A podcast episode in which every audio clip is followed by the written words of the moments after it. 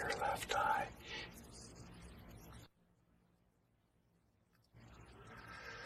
Bruce, uh, stop by tomorrow morning. No rush, but uh, as soon as convenient. Can you do that?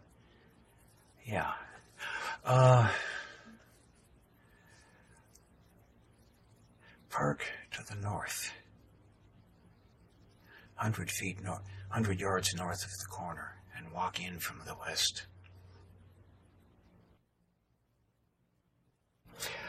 I realize I don't have an appointment, but I would like to see one of the lawyers here.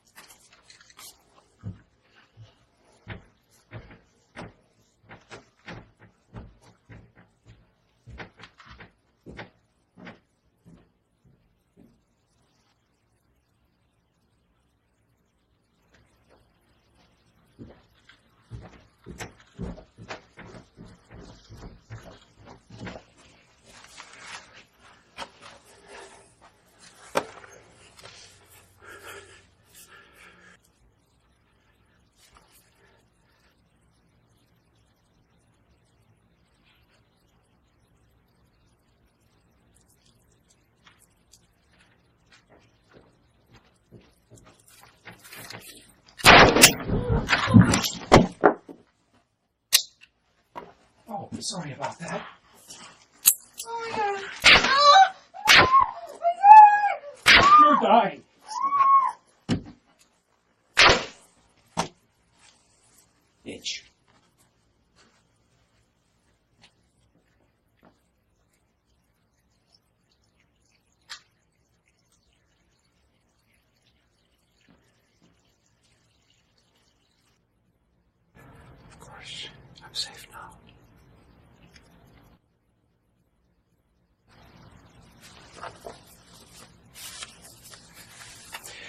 cute.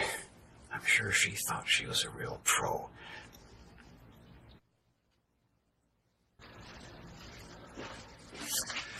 No rush, but you know, when it's convenient for you.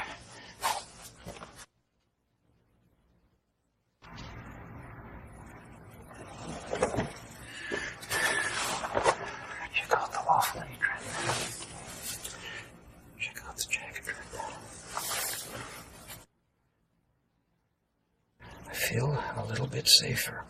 Not totally safe. I'm still shaking a bit, but a little bit safer. No rush, but, uh, you know, as convenient for you. I left my house at 11.30. They were both dead by one.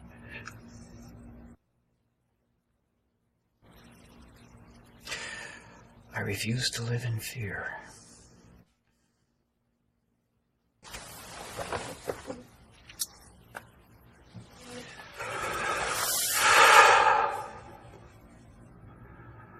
I felt like I was cleaning up a mess.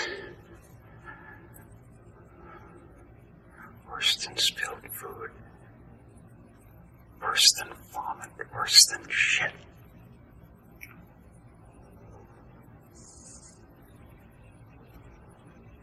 Cleaning up a mess.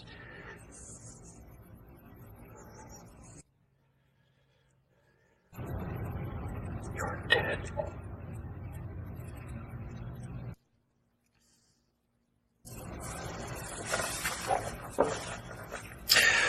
There was a major complication in my life.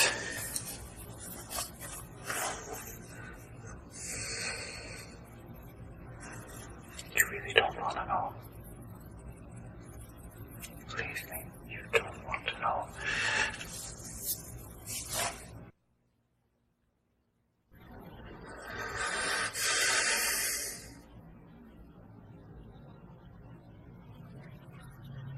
I am not a bleeding heart liberal.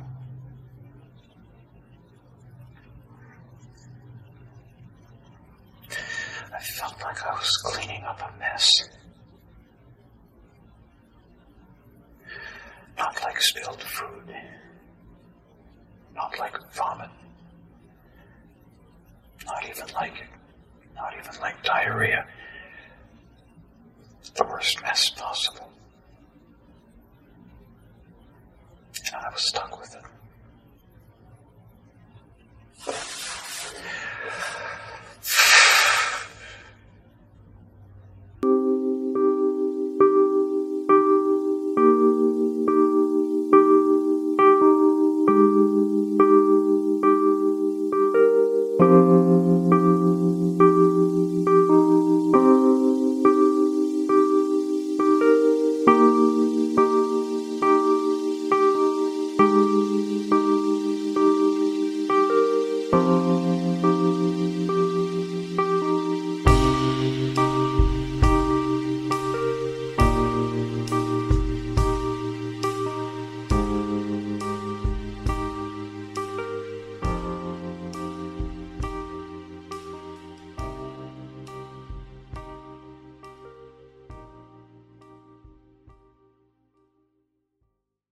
Hej och välkommen till Analys av ett mord. Jag heter Sebastian och idag så eh, tänkte jag att vi går direkt på att plöja igenom veckans avsnitt. Dödandet av Hailey Kiefer och Nicholas Brady ägde rum på tacksägelsedagen år 2012 när Hailey Kiefer, 18 år och hennes kusin Nicholas Brady, 17 år, bröt sig in i hemmet hos 64-årige Byron David Smith i 14 319 Elm Street, Little Falls, Minnesota. Fallet väckte debatt om slottsdoktrinen som tillåter husägare försvara sina hem med dödligt våld. Åklagarsidan påstår att Smiths handlingar och en inspelning han själv gjorde medan händelserna utspelade sig visade överlagdhet som att till exempel ligga i bakhåll och att han använde mer våld än vad som krävdes efter att hotet hade eliminerats. Han blev dömd av en jury efter tre timmars överläggning och dömdes till ett livstidsfängelse. Händelseförloppet visade att Smith var pensionerad från USAs utrikesdepartement. Han hade aldrig varit gift och bodde ensam. Hans bror beskrev honom som en pensionerad säkerhetsingenjör. Smith påstod vid rättegången att han hade blivit utsatt för inbrott minst ett dussin gånger under de senaste månaderna. Han hade bara anmält en gång tidigare till polisen och utredare fann bara delvis bevis för två tidigare inbrott. Bland annat de stulna sakerna fanns 4000 dollar i kontanter, hans fars klocka, mynt från en samling och en motorsåg. Smith började rutinmässigt att bära hölstervapen med ett laddat pistol i sitt hem och gömde vattenflaskor och granolabars i sin källare. Han installerade ett säkerhetssystem för att skydda sig själv. Den 22 november 2012 körde Smith sitt fordon längs vägen och parkerade framför en grannes hus. Ungefär en timme senare bröt Keifer och Brady in sig i Smiths hem. Övervakningskameror fångade tonåringarna när de spanade på egendomen innan de bröt sig in. Enligt Smiths egen redogörelse för polisen hade han besökt grannar när han såg Kaifer, som han misstänkte låg bakom inbrotten, köra förbi sitt hem. Han kommenterade att han behövde förbereda sig för henne och gick tillbaka till sitt hem. Smith satt på en digital inspelningsdiktafon, släckte lamporna i taket och skruvade ur den och positionerade sig i en fåtölj som var skymd från sikte. Han hörde fönstret ovanför krossas och Brady klättra in. Det blev fångat på ljudinspelningen. Smith väntade sedan tyst i tolv minuter tills Brady började gå ner i källaren. Smith sköt Brady två gånger på trappan och en gång i huvudet efter att han hade fallit till botten av trappan. Smith gjorde sedan hånfulla kommentarer till Bradys kropp, svepte in den med en presenning och drog in honom i ett annat rum. Han gick upp och 10 till 15 minuter senare sprang han tillbaka ner i källaren igen, laddade om sitt vapen och intog sin tidigare position i den skymda fåtöljen. Minuten senare gick Kajfer in i huset och hon kunde höras ropa sin kusins namn. När hon kom ner för trappan sköt Smith henne.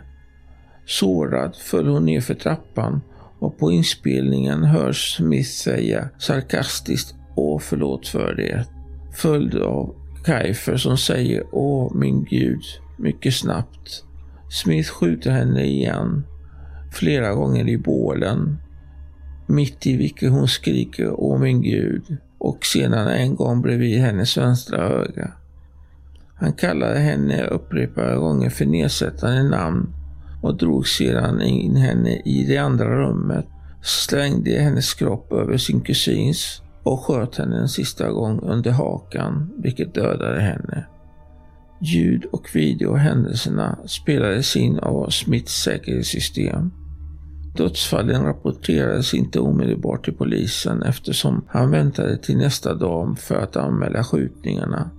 Morrison County Sheriff Michael Wetzel har erkänt att Brady och Keifer var där för att göra inbrott i Smiths bostad.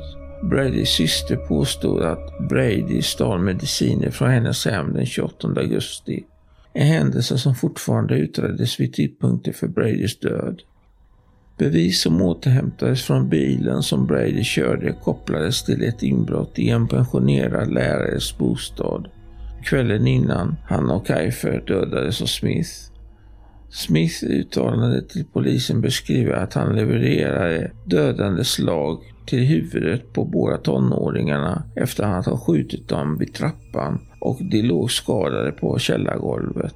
I sitt uttalande sa Smith att Keifer hade släppt ut ett kort skratt efter att hon fallit nerför trappan.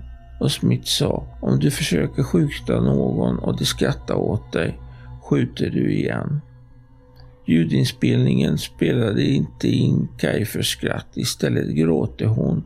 Åh min gud, mycket snabbt och rädsla. I polisförhör erkände Smith att han sköt fler skott än nödvändigt. Och han sköt ett bra rent avslutande skott i Kaifers huvud. Juridiska experter har sagt att de initiala skotten troligen skulle ha varit berättigade enligt Minnesotas lagar, men att de efterföljande skotten inte var berättigade när hoten hade avlägsnats. Sheriff Wetzel sa att lagen tillåter dig inte att avrätta någon när hotet är borta.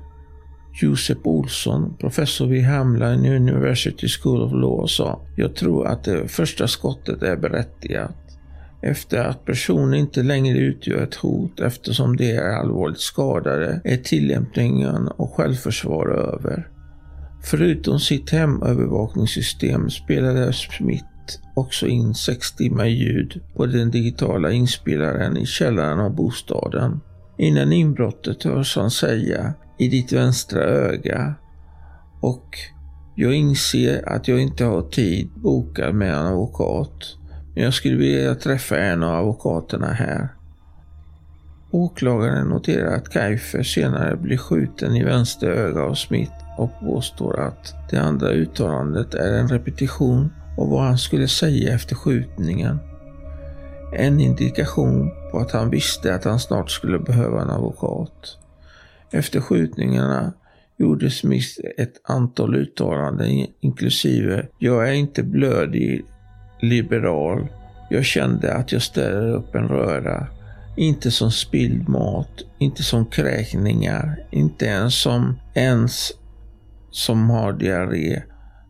Den värsta röra möjlig. Och jag var fast med den. På något litet sätt. Jag gjorde min medborgarplikt. Om rättssystemet inte kunde hantera det var jag tvungen att göra det. Jag var tvungen att göra det. Rättssystemet kunde inte hantera henne och det hamnade i mitt knä. Och hon släpade sitt problem i mitt knä. Och hon kastade sitt egna problem i mitt ansikte och jag var tvungen att ställa upp det. Smiths inspelade uttalande bevisen som tyder på att han hade planerat skjutningarna tillsammans med det överdrivna antal skott som avlossades ledde till att Smith åtalades för mord av andra graden. Smith åtalades initialt för två fall av mord av andra graden. Dock i april 2013 åtalades han för två fall av mord av första graden. Borgen sattes senare till 50 000 US dollar, vilket Smith betalade. Professor emeritus Joseph Daly kommenterade att lagarna kring fallet delade Littlefalls samhälle. I vissa stater, om någon bryter sig in i ditt hem har du rätt att skjuta dem till döds. Punkt slut. Han påpekade att andra stater som Florida har en stand your ground-lag. Men Minnesota har vad som kallas en rimlig persondoktrin. Om en rimlig person skulle se att du är rädd för allvarlig kroppsskada eller död. Det är vår lag. Det handlar om vad en rimlig person skulle se i den situationen. Den 21 april 2014 inleddes Smiths rättegång i Madison County. Smiths representerades av två advokater. Den 29 april 2014 fanns Smith skyldig till två fall av mord i första graden och till två fall av mord i andra graden efter tre timmars juryöverläggningar. Han dömdes omedelbart till livstidsfängelse utan möjlighet till villkorlig frigivning. Ljudinspelningarna utsågs av jurymedlemmarna som en av de största påverkansfaktorn på deras beslut. Det var det mest förörande beviset i mitt sinne, sa Wes Hattelstad, en av de tolv jurymedlemmarna efter rättegången. Den ljudinspelningen om mordet och ljudinspelningarna om Mr Smiths intervju omedelbart efter hans gripande övertygade mig ganska mycket om att vi hade att göra med en sinnessjuk person. Smith sköt tonåringarna separat och tio minuter isär när de gick ner i källaren där han satt bakom en fåtölj och väntade. Och han hävdade senare för polisen att han var orolig för att de var beväpnade. Efter att redan ha skjutit dem en gång hånade han dem upprepade gånger medan de var skadade och han avrättade dem tills de var döda. Han rapporterade inte att han hade dödat Kaife och Brady förrän dagen efter morden och höll deras kroppar gömda i ett skåp. Den 29 april 2014 blev han funnen skyldig till två fall av överlagt mord i första graden och han dömdes till livstids fängelse utan möjlighet till villkorlig frigivning. Juryn fann att det potentiella brott som utsatte Smith för allvarlig kroppsskada avslutades av de sårande skotten mot Brady och Kiefer. De potentiella brotten och eventuellt hotfulla situation som Smiths bostads avslutades vid detta tillfälle. De ytterligare handlingarna som Smith begick för att avsluta Brady och Kaifers liv var inte nödvändigt för att förhindra eller motstå de begångna brotten. Juryn trodde på de handlingar Smith utförde för att döda Brady och Kiefer efter att ha skadat dem inte var en handling av rimliga proportioner. Personligen så tycker jag som jurymedlemmen att det låter sinnessjukt och att han troligen led av någon form av psykisk störning under gärningstillfället och möjligtvis innan dess också. Tack för att du lyssnade till analys av ett mord. Ha en bra dag och sköt om dig. Tack för mig.